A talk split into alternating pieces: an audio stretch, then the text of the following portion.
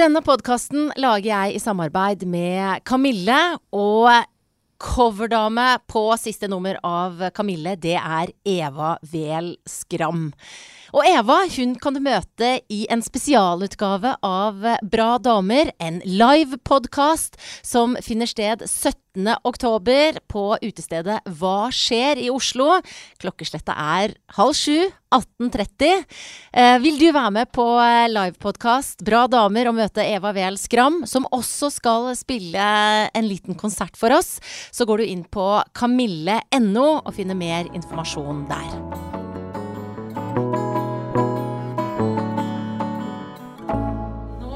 Er vi i hvert fall i gang etter en liten uh, teknisk uh, trøblete uh, start. Men dette, kjære lyttere, er podkasten Bra damer. Mm, jeg heter Guri Solberg, og jeg blir veldig glad hvis du går inn på Facebook og liker sida mi, eller hvis du, når du har lasta ned denne podkasten på iTunes, f.eks. gi stjerner eller vurderinger og sånn. Det gjør at jeg kan holde på med dette her lenger. Og snakke med damer som dagens gjest skuespiller. Mye annet også, men først og fremst skuespiller Mari Maurstad. Velkommen hit, Mari. Ja, tusen takk for det. Ble, jeg ble nesten litt sånn alvorlig nå. Sånn, ja, jeg hørte det. sånn ordentlig. Ja, hvorfor det? ja, det, det, må jeg slutte med. Jeg er jo et veldig alvorlig menneske. Ja, ja, ja. Men, Nei, men uh... Jeg tenkte på det med de stjernene. Gud, så slitsomt at man må liksom Hva kan du gi meg stjerne, altså terningkast hver gang man har laget noe? Det ja. hørtes Ja, nei, men det er ikke så ille som det høres ut. Nei, for det hørtes litt ille ut. Ja, men det er bare sånn hvis noen har vært inne og liksom bare gitt sånn Altså selv om de ikke gir mange stjerner, bare liksom ja. sier 'hei, dette var fint', eller 'litt kjedelig start, men ellers bra', ja, så, så er det et at noen gir en respons, og da, er det, når det flere. Ja, um, så det, det handler om bare om sånn ja, ja, litt sånn. Så det er ikke, så, det er ikke sånn gullstjerne i boka. Nei, det er ikke sånn at du går legger deg under dyna og gråter fordi at én sa dette var noe dritt eller noe sånt. Kan hende, men ja, eh, jeg, det, det jeg, tror ikke, ikke jeg tror ikke folk egentlig vet hvor mye Nå begynner jeg plutselig å ta ja, over dette. Det er hvor mye sånne um, kommentarer har å si. Eh, mm. Eh, altså man, blir, man tar det jo veldig til seg. Eh, og, det, og, dessverre så er, blir man mer påvirket av de negative enn de positive. Det kan være fem kjempefine, og så er det én som sier noe dritt, ja, og det er, det er den du husker. Og det, så kan de sitte der og være sånn nettroll. Oh, ja, Men hvordan er det for deg? Altså, nå har du mm. en lang karriere som skuespiller. Altså vært mm. synlig på så mange måter. Og sikkert fått kommentarer både i trynet og på nettet. Ja, eh, jeg har vært ganske heldig med det. I den mm. grad det har med heldig å gjøre. Ja da, jeg tror nok litt at det har med heldig. Jeg er ikke noe særlig provoserende person, tror jeg, så jeg tiltrekker meg kanskje ikke de som er provoserende ute i livet der. Nei, jeg, nei, jeg har ikke Det er ikke Jo, det er av og til uh, hvor jeg våkner om morgenen eller skal legge meg om kvelden og tenker fanken, altså, er det noe Kan jeg gjøre noe? Altså, kan jeg bli kvitt denne vonde Kan jeg ringe vedkommende? Og så vet man jo ikke nødvendigvis hvem det er heller. Hva hadde du gjort da? Du hadde, er du typen til å konfrontere folk? Ja, det verste er at det har jeg gjort én gang. Oi. Um, det verste er at nå husker jeg ikke hva det var for noe, men jeg husker jeg ringte og sa Vet du at jeg blir veldig, veldig lei meg for det. Hva? Nei, men Guri land, ringer du meg? Ja, jeg gjør det, for jeg sa det at uh, du syns at jeg er dum, og det blir jeg veldig, veldig lei meg for. Å nei, Guri, det skal jeg love å aldri gjøre mer, for det tenkte ikke jeg på engang. Hva var dette her, en anmelder, eller hva? Ja, det? nei, det var en eller annen sånn uh, tilfeldig kommentar, og dette var lenge siden, så jeg husker ikke helt detaljene heller.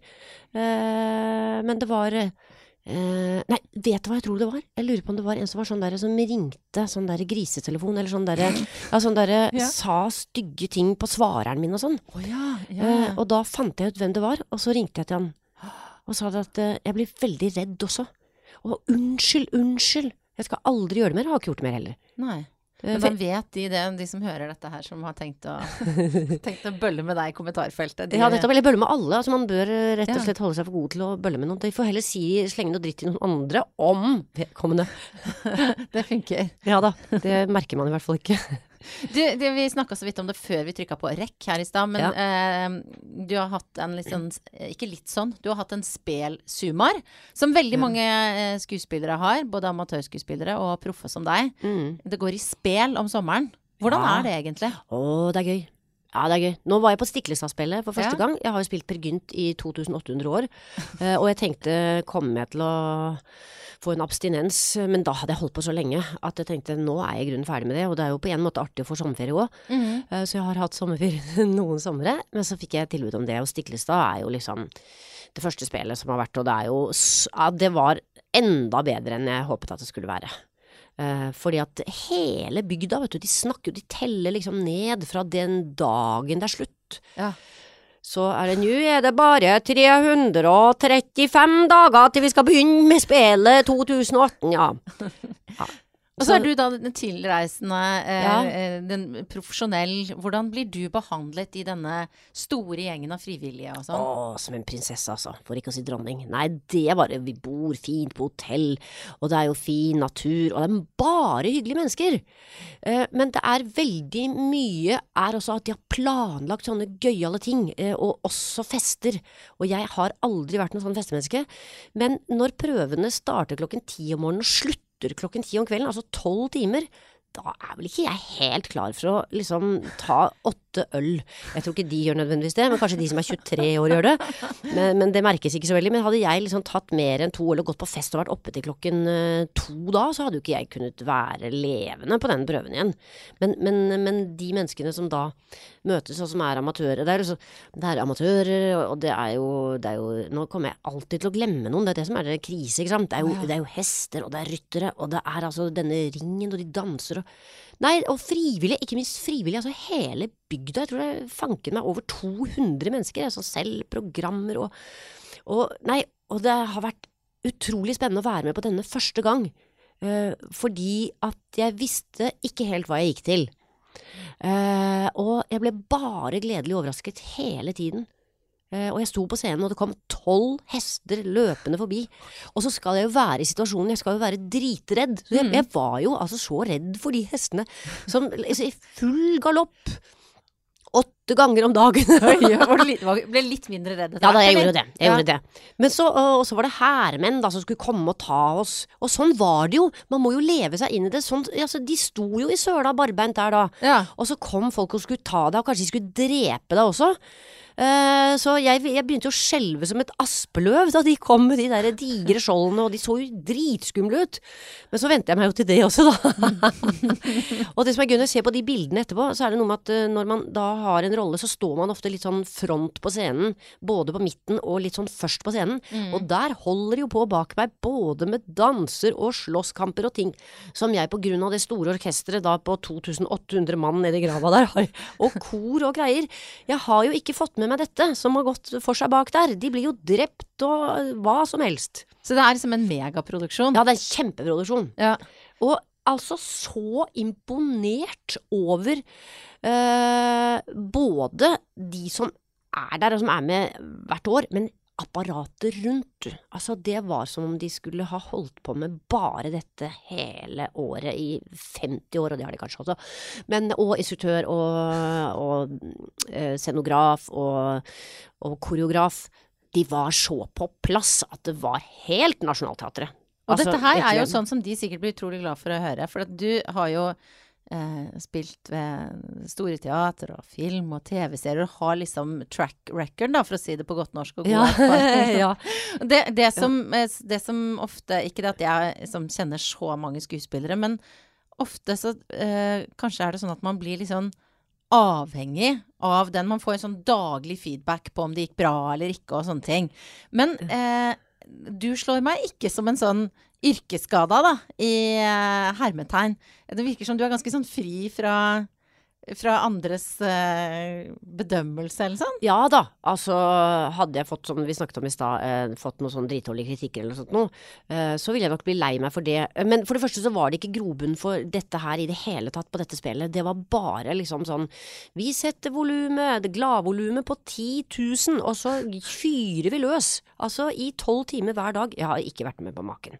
Men, det, men, men Mm. stemmer den, hvis du skal se liksom ikke bare på det spillet, men sånn eh, ellers, Mm. er det sånn det å være et liv i rampelyset, som Ja, man sånn, sier, Mm. har det på en måte Det kan jo være litt sånn ødeleggende. Det er jo nok av eksempler på folk som ikke tåler det. Men, Ja. men hva er det som gjør at uh, du, i hvert fall tilsynelatende, Mari, har, har klart deg så bra? Nei da, eh, for det første så er jeg vel ikke en sånn utagerende person som gjør grusomme ting.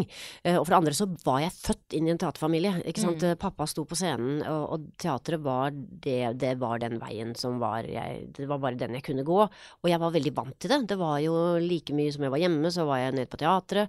Eh, Og eh, det er min store kjærlighet, det er teatret, rett og slett. Mm. Så, så Og jeg, jeg preges ikke Nei, jeg preges ikke noe av det. Jeg har vært i rampelyset veldig mye, sånn at det er liksom ikke noe om å gjøre, verken det ene eller det andre. Mm. Eh, Så én ting er det der hvor man liksom skal intervjues og, og jeg, har liksom med guttene mine også tre usannsynlig flotte, men veldig sånn ballstyrige gutter i oppveksten. Hele tiden sånn Nå oppfører vi oss ordentlig. For ellers så liksom kan det plutselig bli tatt bilde av, og jeg skriker. Og det er ikke det at jeg ikke skriker, men det gjør jeg når det ikke er noen fotografer til stede. Mm. Men de er jo, jo også har jo vært vant til å være i rampelyset, ikke sant. Og det er liksom hytteturer, og det er sydenturer med dem, og, og de er jo gærne, og det er kjempegøy. Men innenfor eh, visse rammer. Jeg syns det å øh, øhm, ha en ydmykhet er en veldig viktig egenskap, som jeg håper at jeg har klart å gi videre til guttene mine. Man skal liksom ikke stikke seg så veldig frem. Mm. For man stikker seg nok frem når det er bilde av en på side 7, 8 og 9 i hvert redd Se og Hør. Ja, forresten, altså da jeg var på vei hit, så Ja. var, så jeg deg på forsida av eh, enten om det var se Å nei, nå blir du overraska, for dette har ikke du sett selv. Å nei! Enten Nei, det var ikke så ille. Se Nei. og hør eller her og nå. Jaha. Men det sto at du var syk. Nei, var jeg syk? Ja, det var sto moren min det. som var syk. Å ja. Men det, det- var- i hvert fall også sånn angsten, sykdommen, et eller annet. Men så tenkte Åh. jeg uff, hvordan går det med Mari? Jeg leste jo ikke saken. Jeg Nei, jeg bare, skjønner. Ja. Det- Men går det bra? Ja, Altså, det her går det kjempefint. Ja. Angsten, sykdommen, du. Ja, det er noe som har gått over i så fall. ja. Ja, nei da, men det var Jeg har, har gjort et intervju altså før sommeren, Mm. og så kommer det på om en stund. Ja. Uh, men det var vel Ja, nei, det husker jeg ikke. Nei. De trekker jo ting ut. Kjenner, man kjenner jo pressen, det, det gjør jo du òg. Ja. De trekker jo det ut som de tenker at ja, når, når de leser det, så må de jo kjøpe dette bladet og se hva som skjer. Ja. De snakker ikke sånn da, men eh, det ble litt morsommere. Altså, ja, det var morsommere når jeg sa det på den måten. Mm. Eh, så det har man blitt vant til. Men av og til så blir jeg dritforbanna. Altså når du har liksom gitt et intervju på tre timer, og så har du sagt det i én setning at uh, nei, er litt dårlig nå, så er det det som blir uh, hovedoppslaget. Mm. Men man må bare liksom si ok, så er det du ikke med den, og så Ja, men hva gjør du da? Gjør du sånn som han der som ringte til deg, at du liksom ringer til redaktøren eller journalisten og så sier at du er forbanna, eller er det Nei, nei, jeg gjorde det før, men, nå, Ja. de, men jeg vet at de vet at de er dumme. Ja, jeg Ja, skjønner. sånn at eh, de tenker å, å, det var ikke Men da hadde de ikke noe annet. Det var ikke noen andre som hadde sagt at de hadde vært syke. For da hadde det vært de andre som sto der. Ja. Og så får man jo bare tenke ok, ja men da er jo det Jeg er fortsatt en interessant nyhet. Jeg får prøve å snu det til å være positivt. ja, ja, ja. Mm. Uansett. Selv om jeg, det står at jeg er døende. Men det er jeg jo ikke. Du lever i beste Ja, så folk blir eh, kanskje litt skuffet Mm. uh, over at jeg var så frisk. ja, så du ser bemerkelsesverdig frisk ut, men du har vært sykemeldt. Det er en tid Ja. tilbake nå, da, men du var sånn. Mm. skikkelig utslitt. Ja, da, var jeg, da hadde jeg jobbet uh, altfor Altså, det er det derre Når øh, livet ditt er så gøy å leve, altså, og det er så mange jobber, sånn at man glemmer å eh, ta høyde for at man kanskje må mm, hvile lite grann. Ja. Så glemte jeg at jeg fylte 60. Eh, det sier også mine folk meg om sånn innimellom, men det har jeg bare fortrengt, for det syns jeg ikke stemmer overhodet. Men også da har en syk mor eh, som man er redd for skal dø, når det slår inn oppå alt det, den jobbingen uten pause, da gikk det ikke mer, rett og slett. Hvordan, altså Det der hører jeg folk snakke om, det gikk ikke mer. Ja. Men hvordan er det Mm. arta, arta det seg for deg? Nei, det var vel at jeg bare satt helt stille og så ut i luften. Jeg klarte ikke, jeg klarte ikke å lære Jeg klarte ikke å lære ting. Og da øh, Jeg var i en veldig hard oppkjøring på noe jeg syntes var kjempegøy på Nationaltheatret, som heter Mhm. Dekameronen. øh, som jeg var veldig lei meg for å gå ut av. Og jeg prøvde virkelig, men hun var en øh, veldig god instruktør. Men hun forandret hele tiden. Eh, og det jeg skulle si, skulle jeg plutselig ikke si. Jeg skulle si noe annet. Det som den forrige sa, du skulle snu hodet til venstre når den andre hadde snudd hodet til venstre, og jeg skulle telle til to. Og når det var gjennom en forestilling på to timer som skulle være sånn, jeg sa jeg det går ikke. Jeg klarer ikke. Jeg klarer ikke. Og jeg var bare på gråten når jeg sto opp og bare sånn. Så det, det var veldig dumt, altså. Uh, og da det da ble liksom uh, Da jeg hørte det at moren min var dårligere enn jeg trodde, at det var liksom livstruende, da var det sånn at jeg sa dette, dette går ikke. Så jeg skulle egentlig ha sagt eh, dette går ikke eh, noen uker tidligere, men eh, man vil jo så gjerne. Både Ja. fordi at man setter andre mennesker i en vanskelig situasjon. Det var snart premiere, og jeg visste at da må vi ha overtakelsesprøver, og da blir de Da måtte de utsette, og nye billetter, og vedkommende som skulle overta, ble fortvilet over om å overta, for det er vanskelig å overta roller. Ja.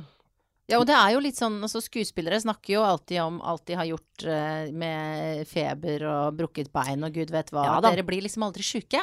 Nei. Eller dere blir sjuke, men dere jobber likevel. Ja da, det er det. Fordi at jeg gjorde, Det lå jo også før det, for jeg spilte jo nissemor i 'Reisen til julestjernen'. Mm. Som jeg syns også er kjempegøy, og det skal jeg gjøre igjen. Og det gleder jeg meg veldig til. Det er kjempegøy å spille for barn, altså. Og en rolle som jeg liker veldig godt. Uh, men uh, da fikk jeg også en ganske høy feber. Og kunne, og kunne ikke snakke og sånn. Så da ble det Men da var det, da var det én forestilling avlyst, og så gikk jeg på'n igjen. Og da går du på med feber, ikke sant. Og når du står på scenen, så glemmer du at du er dårlig. Eh, Så det betyr jo det at du gir jo jernet der òg. Ja. Hopper rundt og synger og skriker og sånn. Og når du da kom hjem, så var det kanskje litt grann pjusk. Ja. Men så var det på'n igjen dagen etter, og så tenker du dette går over. Men det, det hang liksom i. Det var så mye som hang i. ja. Eh, Så til slutt så ble det for mye. Men nå er jeg frisk igjen. Nå kjenner jeg at eh, energien er kommet tilbake. Mm, Og gleden, gleden liksom. For det er det som også går. Ingenting er morsomt. Alt er bare nei, må jeg det også? Og så baller det så rart. Altså det er sånn nei, da gikk bilen i stykker, og så var det noe sånn greier på bad, og alt går i kan- Kommer ikke alt samtidig, da? Ja, det er jo ofte sånn. Men, men det er jo også liksom For jeg, du slår meg jo Du er en person med veldig mye energi sånn når du er frisk, er du ikke det? Jo da, det er jeg. Så jeg har mye energi. Ja. Eh, så det er fint. Så da har jeg måttet bygge opp det ganske ja, eh, ettertrykkelig. Jeg har måttet liksom både uh, laste ned en app som heter Headspace. Åh, den har jeg prøvd da. Ja, dette, du prøvde den bare, eller? Ja, jeg fikk det ikke til. Nei, da skal jeg Begynner å klø i huet. Oh, ja. Liksom, hvis du skjønner? Ja, du må ikke være så utålmodig. Du må holde på en ti ganger eller noe sånt. Ok, så det gjorde Ja, du. ja, det gjorde jeg. Mm. For jeg tenkte dette må jeg bare klare. Mm. Uh, så den hjelper. Ja. Og så går jeg hver dag nå. Altså det er også en app. Vårt nye app-liv. Mm. Uh, gå 10 000 skritt hver dag. Okay. Uh, og det er liksom litt over en time, og da kan man Da går jeg en ganske god tur, og så samtidig som jeg liksom, det jeg går, blir liksom 10 000, og hvis jeg går enda mer, så er det enda bedre. Mm. Gå litt fort. Ikke sånn tusleting. Med litt sånn ordentlig, måte. Ja. Ja. Mm. Og litt yoga og sånne ting også, fordi at det setter seg jo i skuldrene, og da er det liksom sånn helt stram nakke, og da får du ikke blod opp til hjernen, og det er liksom sånn det ene baller på seg etter det andre. Mm. Sånn at hvis man liksom utsetter og utsetter, fordi at jeg skal ikke være til bryaktig, eh, så er det til slutt pang, altså. Mm. Så man må liksom være litt føre var. Så det har jeg lært helt ettertrykkelig nå. Det har jeg sagt før òg, men nå tror jeg faktisk Nå Nå- har du lært det. Nå sier vi det sånn. Nå har jeg sagt det offisielt også, så nå Ja. Men du, eh, du sa jo det selv i stad at det var liksom ikke noe alternativ for deg at du hadde en eh, skuespillerfar. Eh, Norges første filmstjerne. Stor stjerne, Alfred Maurstad. Og broren din er ikke helt ukjent heller. Toralf Tor halvbroren Maurstad, Holdt-broren din. Ja, mm. Eh, men det også Likevel så må det jo Eller det var kanskje ikke noe valg, jeg vet ikke. Husker du noe sånn øyeblikk hvor du tok det valget at der, den veien skulle du også gå? Ja, det var vel aldri noe snakk om noe annet. Eller vil si, jeg prøvde å være pleiemedhjelper på en sjukeheim i, rundt Ålesund der. Ja, ok. Men det ble jo liksom teater der òg. mm. Altså, de satt nå der og var på rommene sine, du veit jeg. Dro nå rundt og hadde rullestolstafetta, og så hadde klippet jeg håret på alle. Og det så jo fanken ikke ut, vet du. Når du klipper håret på de, de hadde jo ikke vært hos frisør eller noen ting. Oh. De satt nå inn på rommene sine der og var helt sånn. Så jeg fikk jo, jeg fikk jo liv. Her blir det liv, rai, rai. Ja. Eh, Hvor med rullestolstafetten, og de fleste var demente også. Eh, Men jeg tenkte, jeg må gjøre sånne ting. Jeg kan ikke bare gå rundt og gi herresuppa di. Eh, Det, det gikk ikke. Så Men dette her var Hvor gammel var du da? da var jeg 19. For da, Ja. prøvde jeg, da prøvde jeg å komme inn på teaterskolen, og Ja. da kom jeg ikke inn. Så da, på en måte så skjønner jeg det også, for jeg var litt sånn kjekk og grei. Vokste opp på Frogner og litt sånn kjekk og grei. Dette skal gå fint-aktig. Mm. Men Og litt umoden nå. Ja, litt umoden òg. Ja. Liksom, Man er jo gjerne det når man er 19. Ja da, man er jo det. Altså, verdensmester umoden, da, det er ikke de man slipper inn der. Det er de ja, som er helt annerledes enn det, i hvert fall. Uh, så jeg kom aldri inn der. Uh, men så var jeg heldig da å ha Toralf som teatersjef, og han eh, Jeg kom ikke med hans teater, men han, han hadde en, noen Altså, jeg fikk gjøre en audition, Mm. og så kom jeg til Bergen. Eh, og der begynte jeg liksom i det små, og så, ploing, så fikk jeg større roller. Mm. Og det er jo et spennende fag, og jeg føler jeg, er liksom, man lærer noe hele tiden. Uh, så det, det er jo kjempegøy. Og det har jo gått på trynet innimellom òg, men, uh, men, uh, men det, var, det er det. det er, jeg kan ikke gjøre noe annet. Eller vil si, jeg, jeg er jo en slags sånn hjelpearbeider òg, i Afrika, men, Mm. men det er på si, og det Ja, du har startet, du har din egen eh, fadderorganisasjon, Ja. Zulefadder. mm. Hvordan, eh, hvordan begynte det? Nei, det er eh, bare et møte en dame. At det kunne vært Nelson Mandela, skjønner du. Ja, Altså, hun var helt Nelson Mandela. jeg Jeg var på på sånn der turisttur, Og så, var det, så møter hun Nelson Mandela, og så viser alle de menneskene som sitter rundt der og som ikke har noen ting. Og de har jo altså i forskjell, eh, til forskjell når du sitter hjemme i stuen og sier ja da, det er noen som kommer og hjelper de der, vet du. Så var det ingen som kom og hjalp dem, og jeg hadde noen penger i hånden til noen julegaver, som jeg skulle kjøpe noen perler og noen elefanter og noe greier. Så tenkte jeg, neimen svarte, altså kan du ikke bare gi hun damen de derre Og hun var uh, utdannet sykepleier, hun snakket kjempegodt engelsk og var ja. Så hun sa øh, dette er helt fantastisk, sa hun da, for da kan de få klær, og det var rett før jul, og de kunne få ja, mat og alt mulig sånn. Og det gjorde meg altså så glad! Ja. Jeg ble så glad av at jeg kunne få lov til å gjøre det. Så jeg tenkte dette må jeg gjøre noe med. Så sa jeg til hun damen, kan du være så snill å plukke ut de som har det verst? For det er ofte det man tenker, ja ja, så går ikke de pengene til de som har det verst, liksom litt sånn. Hun som var reiseleder der, hun er norsk, og hun bodde i nærheten av hun damen. Så jeg spurte henne, kan ikke du dra opp en gang i måneden til henne, og få ta bilder og sende hjem til meg og få ta, stille noen spørsmål? Og så gjorde hun det. Så, men hun damen sa, du klarer ikke, skjønner du. Sorry å si det, du klarer ikke. Tanken din er god, men det går ikke. Altså, for det er mange som har prøvd, du får det ikke til. Nå har vi tusen faddere. Gud, så bra. Altså, det er kjempebra. Men er det da er det sånn, altså sånn, Er det en organisasjon? Er det bare deg, eller er det liksom, Nei, hvordan altså, det hadde ikke gått. Det er jeg i Norge, og så, var det, så hadde jeg en webdesigner uh, som måtte få hjelp, for det er sånn copy-paste, og jeg kan jo ingenting på PC. Det var sånn brrr, jeg skal sende det ut, og hva, altså, sende til flere samtidig, og sånn. Det gikk ikke. Så da plutselig så sa hun Hun kom fra Vesterålen, hun jobbet i kjentfolk.no. Uh, det er sånn, ja, kjendisting. kjendisting, sånn som vi to vet. Sånn, vet vi vet så mye om kjendisting, du og jeg. Ja, men i hvert fall, eh, hun var kjempehyggelig og kjempegod. Så hun sa nå må vi bare reise ned eh, til Afrika. Så jeg, jeg tror du er gæren, jeg skal spille Heksen reisen til julestjernen, jeg kan jo ikke dra ned der. Du må bare ta deg fri. Ja, så sa jeg jeg gjør det. Så gjorde jeg det, så dro vi ned dit. Og da var hun dama der òg. Og så ble det til at hun ble heldigvis forelsket i en mann i Rotary, som jobber der, og som er da, altså har et stort regnskapsbyrå. Og langsomt, men sikkert, så altså, har vi bygget opp fordi at hun Han ble forelsket i henne òg, det må jo da sies, så de er nå gift. Heldigvis. Eh, ja, heldigvis. Og så det er hun som driver det alene sammen med mannen sin. Og vi har da 30 eh, lokalt ansatte som da har fått jobb eh, av oss. Eh, og vi har bygget en skole. Ikke bygget, men overtatt en skole hvor de får kjempegode utdannelser. Og det er jo det er rett og slett så basalt som mat og Altså mat og skolegang. Skolepenger. Og så kommer de ikke på skolen hvis ikke de har eh, sånn uniform, så det får de også. Og dette her er jo da, ikke sant, eh, noe du bare gjør og får gjennomført, og sier kanskje også noe om liksom at du er et menneske med gjennomføringsevne og relativt høyt turtall, da. Har du, har du, alltid, vært, eh, har du alltid vært det? Ja, det har jeg nok. Mm. Altså, faren min døde da jeg var ti, og da overtok jeg nok plassen hans, på en måte. Eh, sånn at da var jeg det, sjefen i familien. Men det var jo Det var, det var greit, det. Uh, så jeg er da kanskje litt sjefen i den andre familien som jeg har fått nå også. Men, men, det, men jeg håper ikke noe sånn diktatoraktig, da. Nei, men hvordan er det å være sjef i familien når du er ti? Uh, nei, jeg var i hvert fall den som hadde best humør, for å si det sånn. Ja. Sånn at, eh, men så overtalte jeg moren min til å reise, og jeg skjønte meg jo ikke noe på Nei, altså selvfølgelig, man er ti, man skjønner jo ingenting med bankbokser og skatteting og sånne ting. Eh, Så da det, det ordnet hun opp i, men hun sa nå må vi reise noe sted, for da døde bestemoren hun ble overkjørt i trafikken. Og så sa nå er det så trist at nå kan vi rett og slett ikke ha noe jul. Nei, så det var hun enig i. Så da tok hun sparepengene sine, knuste sparebørsen, så dro vi til den gang Ceylon, nå Sri Lanka. Yes. Og de hadde aldri sett hvite mennesker før. Så det var jo bare helt utrolig. Så hun, hun gjorde det, hun tok oss med på sånne Og det var sånn Tjæreborg-reiser. Altså det var sånn øh, Først Vi hadde aldri hørt om sånne reiseselskaper før, vi. Så da, da dro vi ned der, og det var bare en opplevelse. Ja, mm, det, var, øh, det var fint. Du eh, kan ikke gå videre uten å si Når du snakker om jul, så er det Det er mange grunner til at jeg har lyst til å intervjue deg. Du er, du, er bare, altså, du er en kjent norsk skuespiller, greit, men jeg, du er liksom annerledes enn veldig mange andre. På en bra måte! Det er på utelukkende bra måte. Og en av de tingene er, som kanskje mange vet, men som er liksom veldig kult med det, deg og din familie, er at dere lager noen helt sånn insane eh, julekort. Som eh, Ja. ja. Ja da, ja.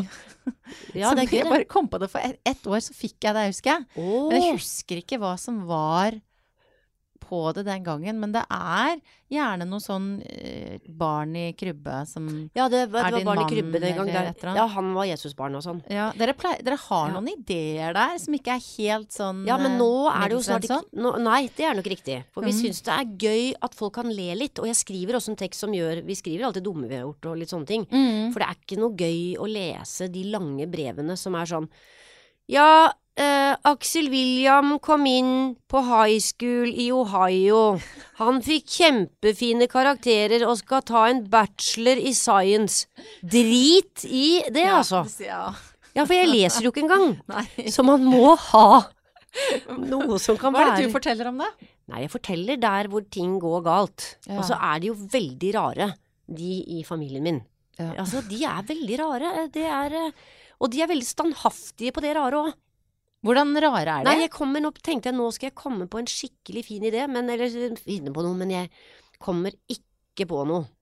Men altså, han ene, han minste, han ser jo ut som han er sønn av Leif Juster. Han har en kropp som overhodet ikke ligner på noen av våre kropper. Mhm. Men han er sånn som syns det er best å gå med sånn derre five finger-sko inn sånn og overnatte inni noen trær inne i skogen og bare går langt av gårde, hører ikke fra, vil helst ikke ha noe mobil og skal bare sitter og spikrer på et sånn liten sånn som fyrtøy. Sånn helt langt vekk fra oss. Eh, For jeg ville ikke gått åtte mil på tre dager i regnet. Han gir seg ikke på tørre møkka heller. Og da tenker du eh, Dette er dette din yngste sønn du snakker om? Ja, det er den yngste. Det er sånn kanskje som jeg kommer til å Men jeg må omformulere det sånn gjør at det blir litt sånn lattervekkende. Ja, men dette her er jo fascinerende. Jeg tenker du som mor da at nå har jeg gjort en bra jobb, for Ja. jeg oppfostra en skikkelig raring? Ja, Ja. det gjør jeg. Og de er ikke noe mindre rare de andre heller. Så det er, men han, eh, Scott, som er den eldste, han er akkurat motsatt. Han syns at sånn derre Dra til Florida og liksom litt sånn eh, Ja, partyting. Det er han helt ekspert på. Ja. Eh, Og har 1008 venner. Nei, kanskje enda flere. 4008 venner. Eh, Og alle syns han er gøy å være sammen med. Eh, Og han andre vil helst være alene. Eh, Så han går da alene. Og av og til har han med fiolinen sin også, han, ja, så, eller hardingfele, og spiller litt alene inne i skogen er ved et tjern. Ja, nei, det er mye rart. At man kan lage så forskjellige mennesker, det er gøy. Det er jo fascinerende. Jeg prøver å fortelle mine barn at de bør bli litt rare. Altså at det er fint. det det- Rar er bra, sier jeg i hvert fall én gang om dagen. Ja, ja, ja. Men altså, er, så, er, har du prøvd å lage rare barn? nei, ja, hvordan gjør man det, da? Nei, jeg vet ikke. Rare Man er vel rar Nei. sjøl, da. Ja, øh, ja, men altså, jeg har jo ikke Jeg har jo gitt dem på en måte en ganske streng oppdragelse, men samtidig veldig Ja, altså, blanding av streng og fri, tror jeg. Hvordan streng har du vært? Jeg har vært streng, altså sånn at de skal ikke være til bry. Men det er nesten litt for mye. Sånn, nå må de, fordi at vi er kjente mennesker, så skal ikke vi stikke oss fram her nå. Nå skal vi ha ståplassene, mens de andre kan sitte der. Jeg vet at vi har fått den første benken, men kanskje vi ikke skal gjøre det likevel. Jo, vi setter oss her, da! Ja, ok, så gjør vi det, da. Men så de vinner, da. Men, men allikevel, altså, vi skal liksom være sånn. Det er tilbake til den ydmykheten som ja, du sa i stad. tilbake til den ydmykheten. Hvis du kan blande den med litt sånn derre stå på og ydmykhet, så er det en fin kombinasjon. Mm. Eh, tror jeg. For det er så mange som liksom er så veldig egosentriske. Akkurat som de er så, sånne skylapper. De kan ikke tenke på noe annet enn bare seg selv. Og det syns jeg er uh, det, det er forstemmende. Hva skal de gi videre til sine barn igjen? Hvordan skal det bli til slutt? Man må tenke på andre.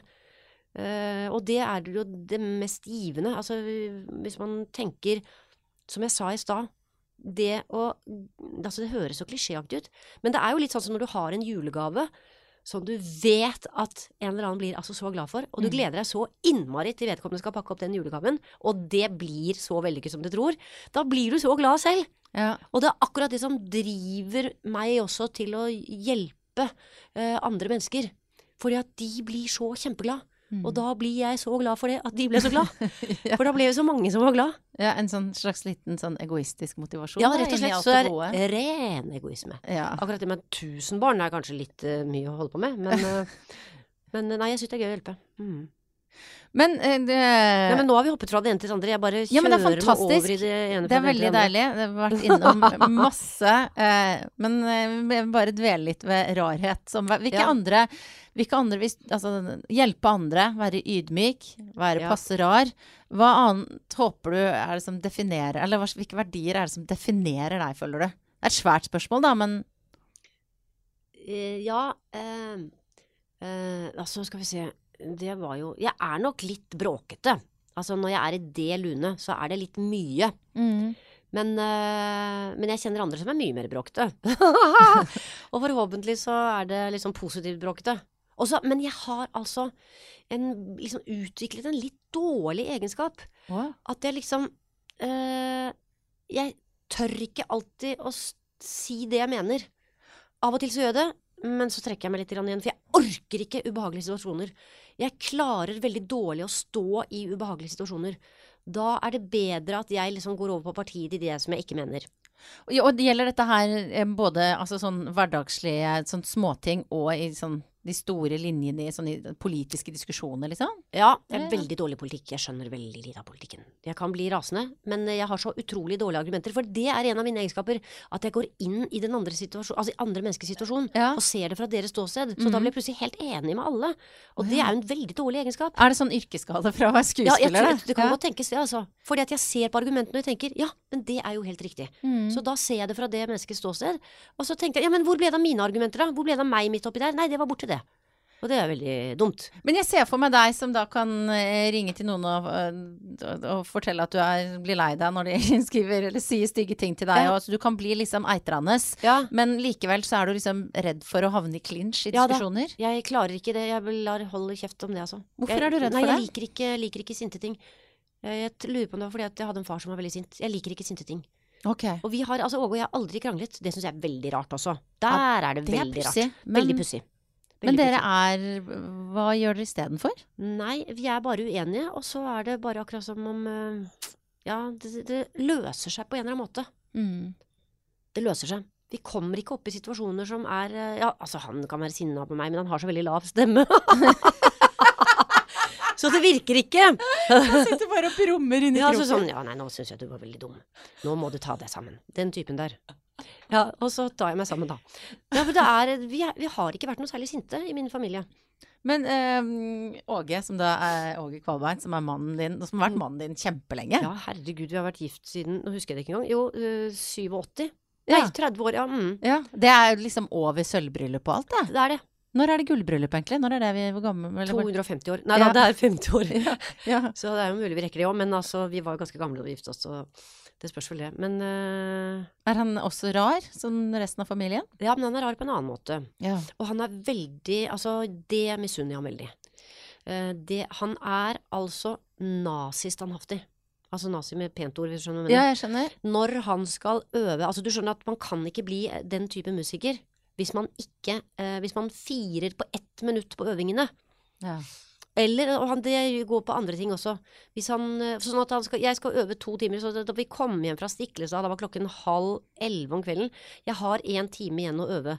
Ja, du er klar over at klokken er halv elleve? Ja, men jeg har en time igjen. Og da setter han seg ned på den jævla celloen og begynner å øve til klokken halv tolv. Og da er den ikke fire på halv tolv, den er halv tolv. Så han hver dag Ja. øver to timer hver dag på cello? Ja, minst det. Dette her er jo veldig interessant. Nå skal ikke dette bli en podkast om Åge Kvalbein, men det er veldig interessant med sånn klassiske musikere. For dette, Ja. han er jo ikke akkurat liksom en fersking som skal etablere seg. Han Nei. er jo en velkjent, etablert uh, musiker. Ja, så to timer er egentlig litt lite. Oi. For jeg har altså Stinius eh, som da går på med sånn der five finger-sko inne med en fiolin på ryggen. Ja. Der var det liksom fem timer en stund. ja.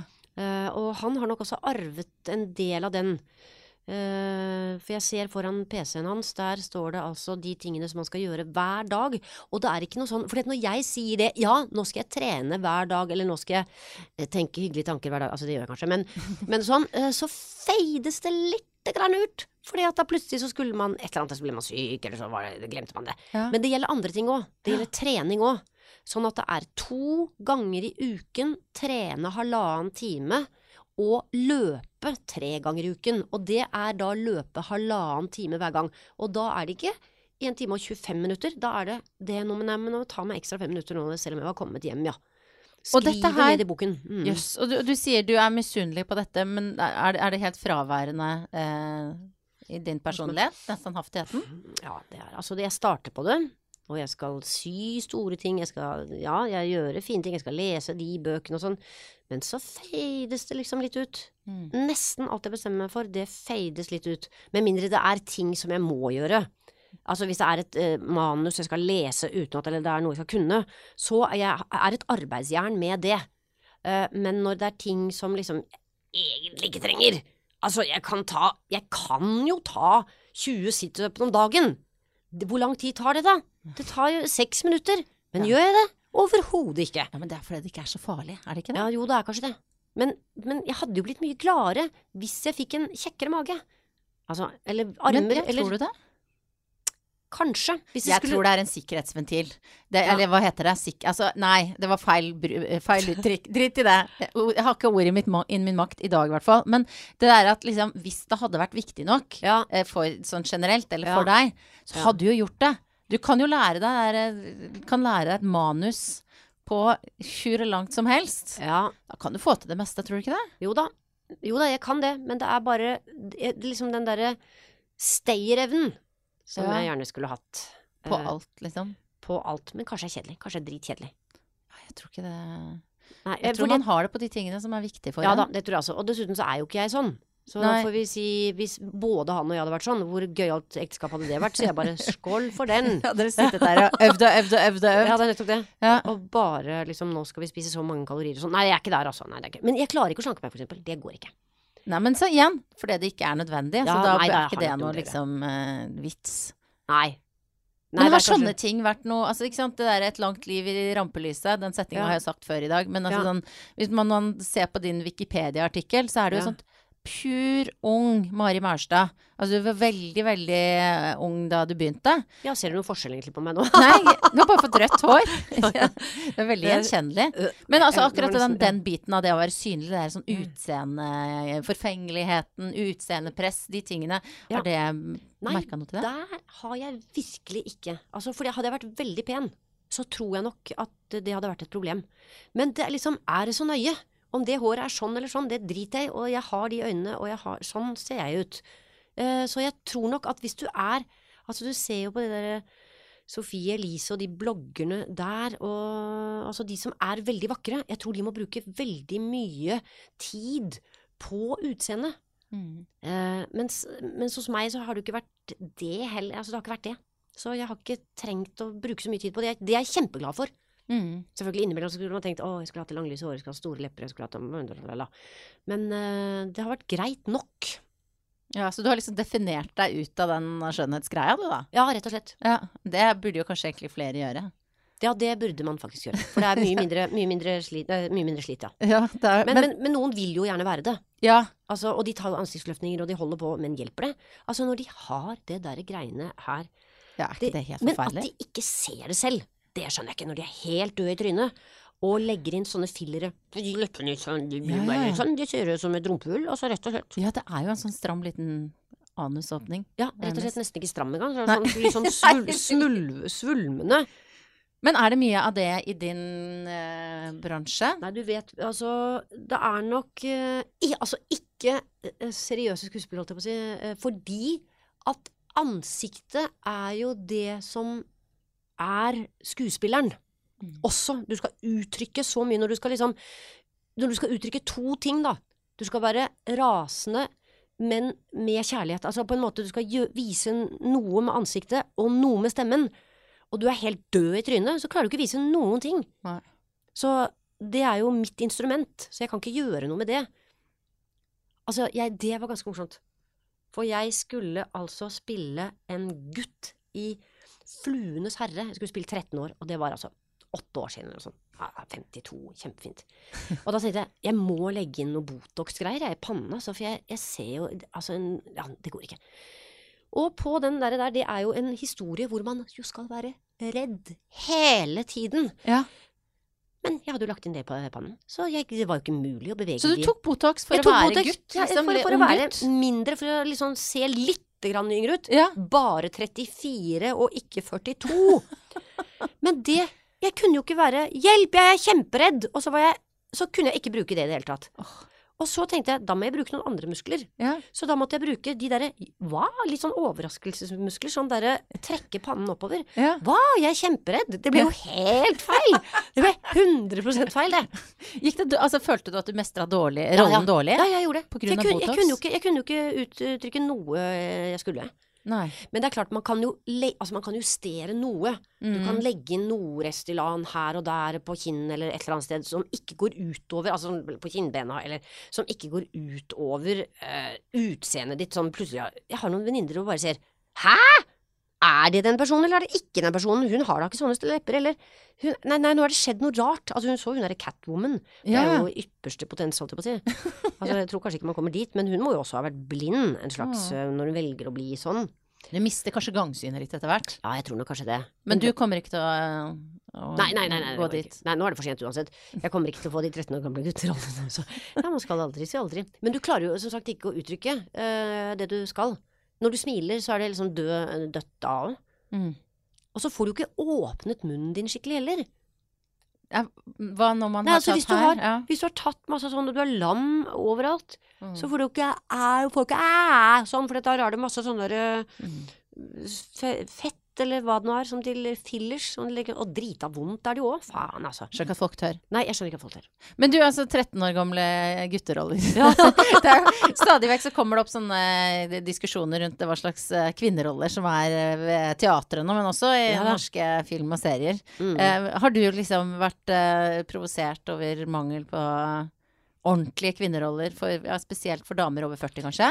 Ja, altså på én måte. Men man er jo altså Man er jo nødt til å ha noen forfattere, da. Som faktisk kan skrive de stykkene.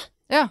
Eh, man kan ikke spille to akter for fem kvinner eller trojanerinner eller sette mm, kvinner inn i manneroller. Eh, så da, hvis man finner god dramatikk for kvinner, man får lete etter det, da, men foreløpig så syns jeg jo det er dårlig med det. Man må kanskje appellere litt mer til forfattere. Mhm. At de må skrive mer for ikke nødvendigvis bare for kvinner, eller for hvor eh, Altså, hm, det, så det er litt trangt. Ja. Men man ser jo på Ibsen og de store, og de, også Shakespeare, de, de har flotte kvinneroller, altså. Og mange, det er mange nye stykker også som har fine kvinneroller. Så jeg syns liksom ikke det skal gå på bekostning av kvaliteten. At nå får vi jaggu Men jeg, jeg ser det jo, at det er jo veldig mange flere manneroller. Eh, så at man leter etter kvinnestykker, det syns jeg er kjempefint. Men som sagt, vi kan ikke bare spille de som har vært spilt hele tiden for å fylle opp kvoten på teatret med sånn politisk korrekthet og ha kvinner på repertoaret. Mm. Da får man skrive noe.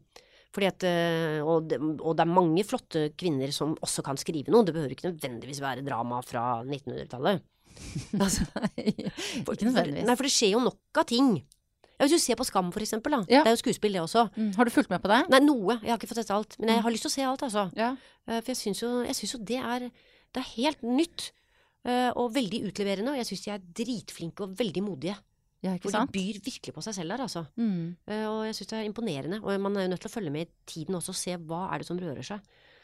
Uh, Syns du det er vanskelig å følge med? Nei, jeg syns ikke det. Nei. Nei, jeg synes ikke det. Men jeg tror man må henge litt med. Altså, nå har jeg jo gutter på den alderen også som, som ser på det, og som, uh, så de tipser jo. Jeg ser hva de holder på med, og så er det jo bare å følge med, eh, holdt jeg på å si. Men podkaster og sånn har jeg ikke vært så flink til å høre på, så det har Mari lovt Jeg skal begynner med etter hun har vært her nå.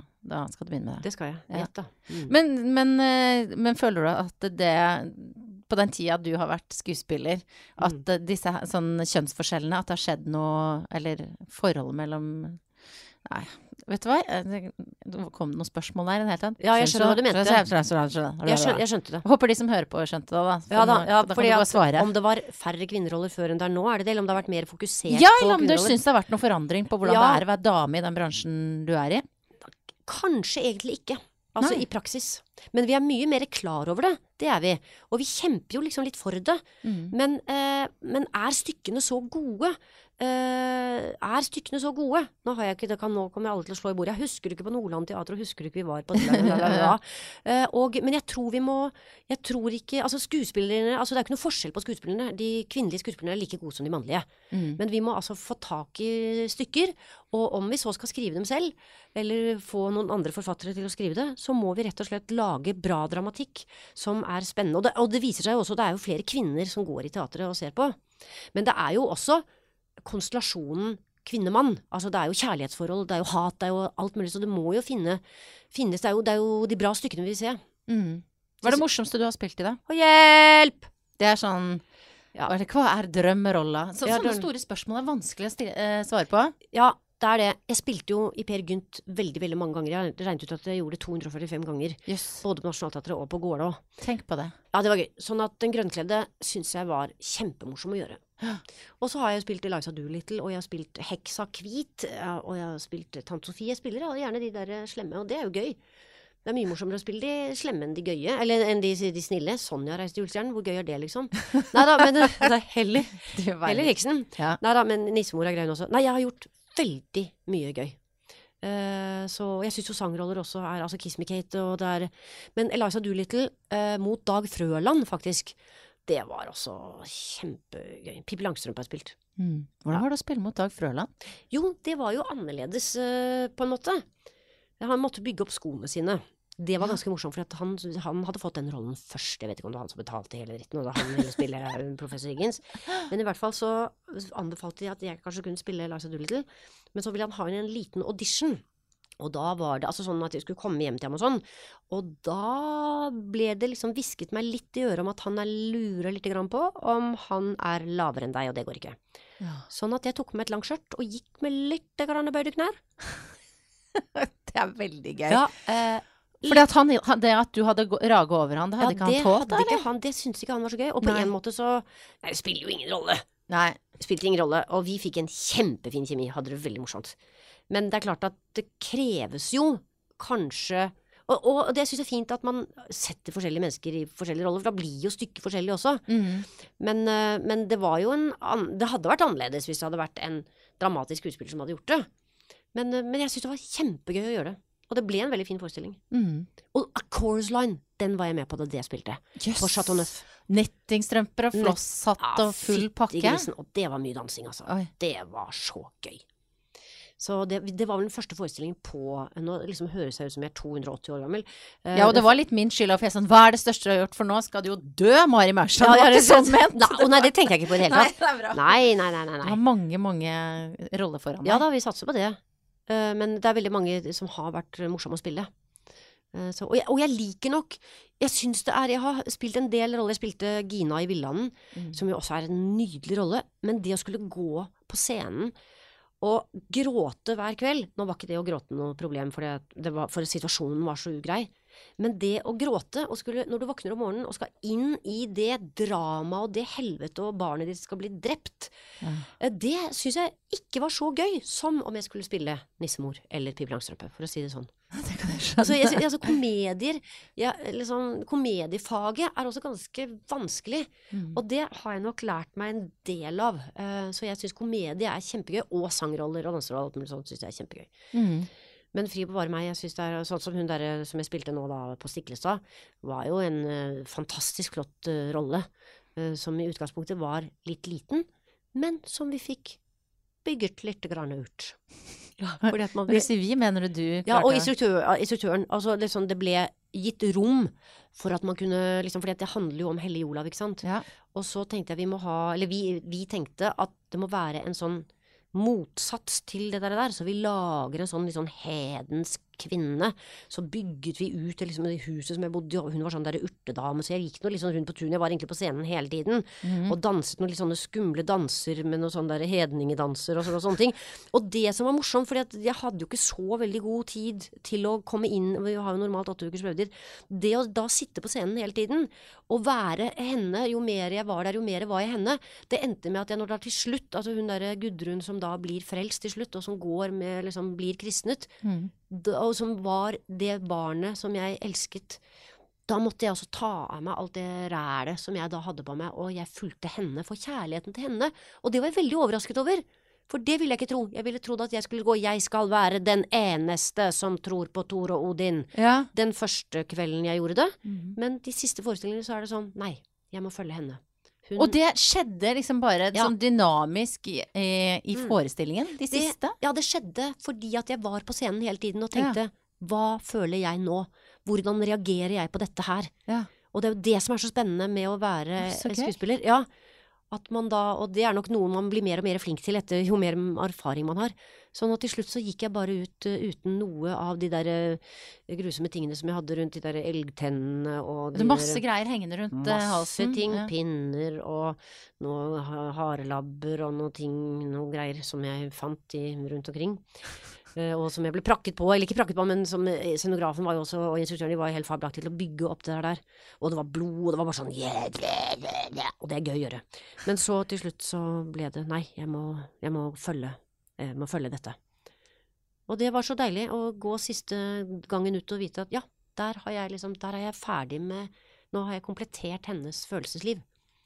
Hadde du turt det som uh, ung skuespiller? At, å ta en sånn retning som på en måte ikke var der opprinnelig? Nei, men jeg var ikke noe erfaren da heller. Jeg gikk ikke på teaterskolen, ikke sant. Så Nei. alt det jeg måtte jeg, jeg har jo ikke lært liksom tekniske faget, sånn sett. Uh, og uh, som sagt, jeg har jobbet liksom Jeg har ikke jobbet med så mange ting, men det har jeg gjort etter hvert med, med ting som har med følelser å gjøre. Så jeg tar nok i bruk det som jeg da har lært gjennom livet, både privat og, og da på scenen.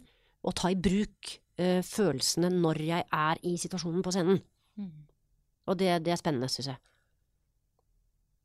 Så du tar og henter fra det personlige kartoteket? Ja, jeg Mm. sitter og tenker hva føler jeg nå, hvis jeg er henne? Eh, og det Og da behøver jeg ikke å tenke det intellektuelt lenger. Nei. For det er ikke sånn ja, hun ville nok egentlig ha gjort det sånn, men kanskje Men for det er ikke noe den gang, det er bare Jeg føler på stemningen der og da, og hvis jeg da uh, hadde vært der i den situasjonen, eller som hun damen, for jeg går liksom inn i den damen og er hun damen, Uh, da legger jeg det bort. Og nå begynner jeg et helt nytt liv. Ja. Så følger jeg liksom etter hæren og hestene og kongen. Og det var så Da ble ringen sluttet, på en måte. Ja. Så det var veldig gøy å være med på det. Det startet jo også med Da, da sto det i overskriften også. Mari Maurstad sjokkerer. Og tenkte hva var det jeg sjokkerer med nå? Men det er rett og slett at jeg har en så Det var også instruktørens uh, anmodning om øh, fordi at jeg kan lokke på kuer og sånn. ja. Sånn at uh, da fant hun ut at jeg skulle lokke på koret, for det er jo et kjempesvært flottmannskor som har vært der siden de var 16 år og er nå 58. Og de syntes jo det var liksom litt sånn desavuering av dem, da, at jeg bare liksom skulle stå og lokke på dem. Men så skjønte de jo at det var ikke noe tull, for det var liksom sånn skikkelig lokking, og der kom de opp bak en haug, vet du, flott sånn manngard med flotte mennesker som gikk inn og sang dette fantastisk eh, flotte musikkstykket. Så da skjønte de at jeg gjorde ikke det for å gjøre narr av dem.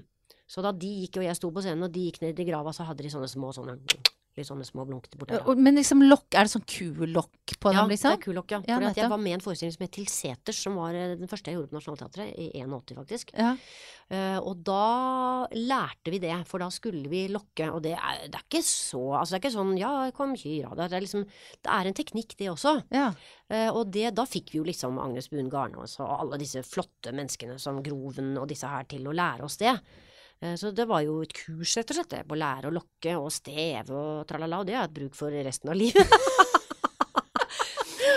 ja, så det, det er kjempegøy, det. ja. Eh, Jeg merker at jeg har veldig lyst til å spørre deg om å lokke. Jeg er usikker på om det er innenfor sjangeren, rett og slett. Podkastsjangeren? Ja, du kjenner jo ikke podkastsjangeren. nei, så ikke- det er eh, Nei. Det er Men noe- går det, går det an, eller er det, må du varme opp og sånn? Nei, det, man trenger ikke varme opp, men en bør kanskje ta uh, munnen litt vekk fra mikrofonen. Ja. Det er sånn Kom, Kyra! Kom, stakkara! Kom nå! Ja, ja, var det så fine, da? Var det så fine? Sånn er det. Og da kommer de. Da kommer de. Jøss. Katta òg. Mari, jeg pleier alltid å ha um, tre sånne kjappe spørsmål Ja. til um, gjestene mine. Ja. Mm.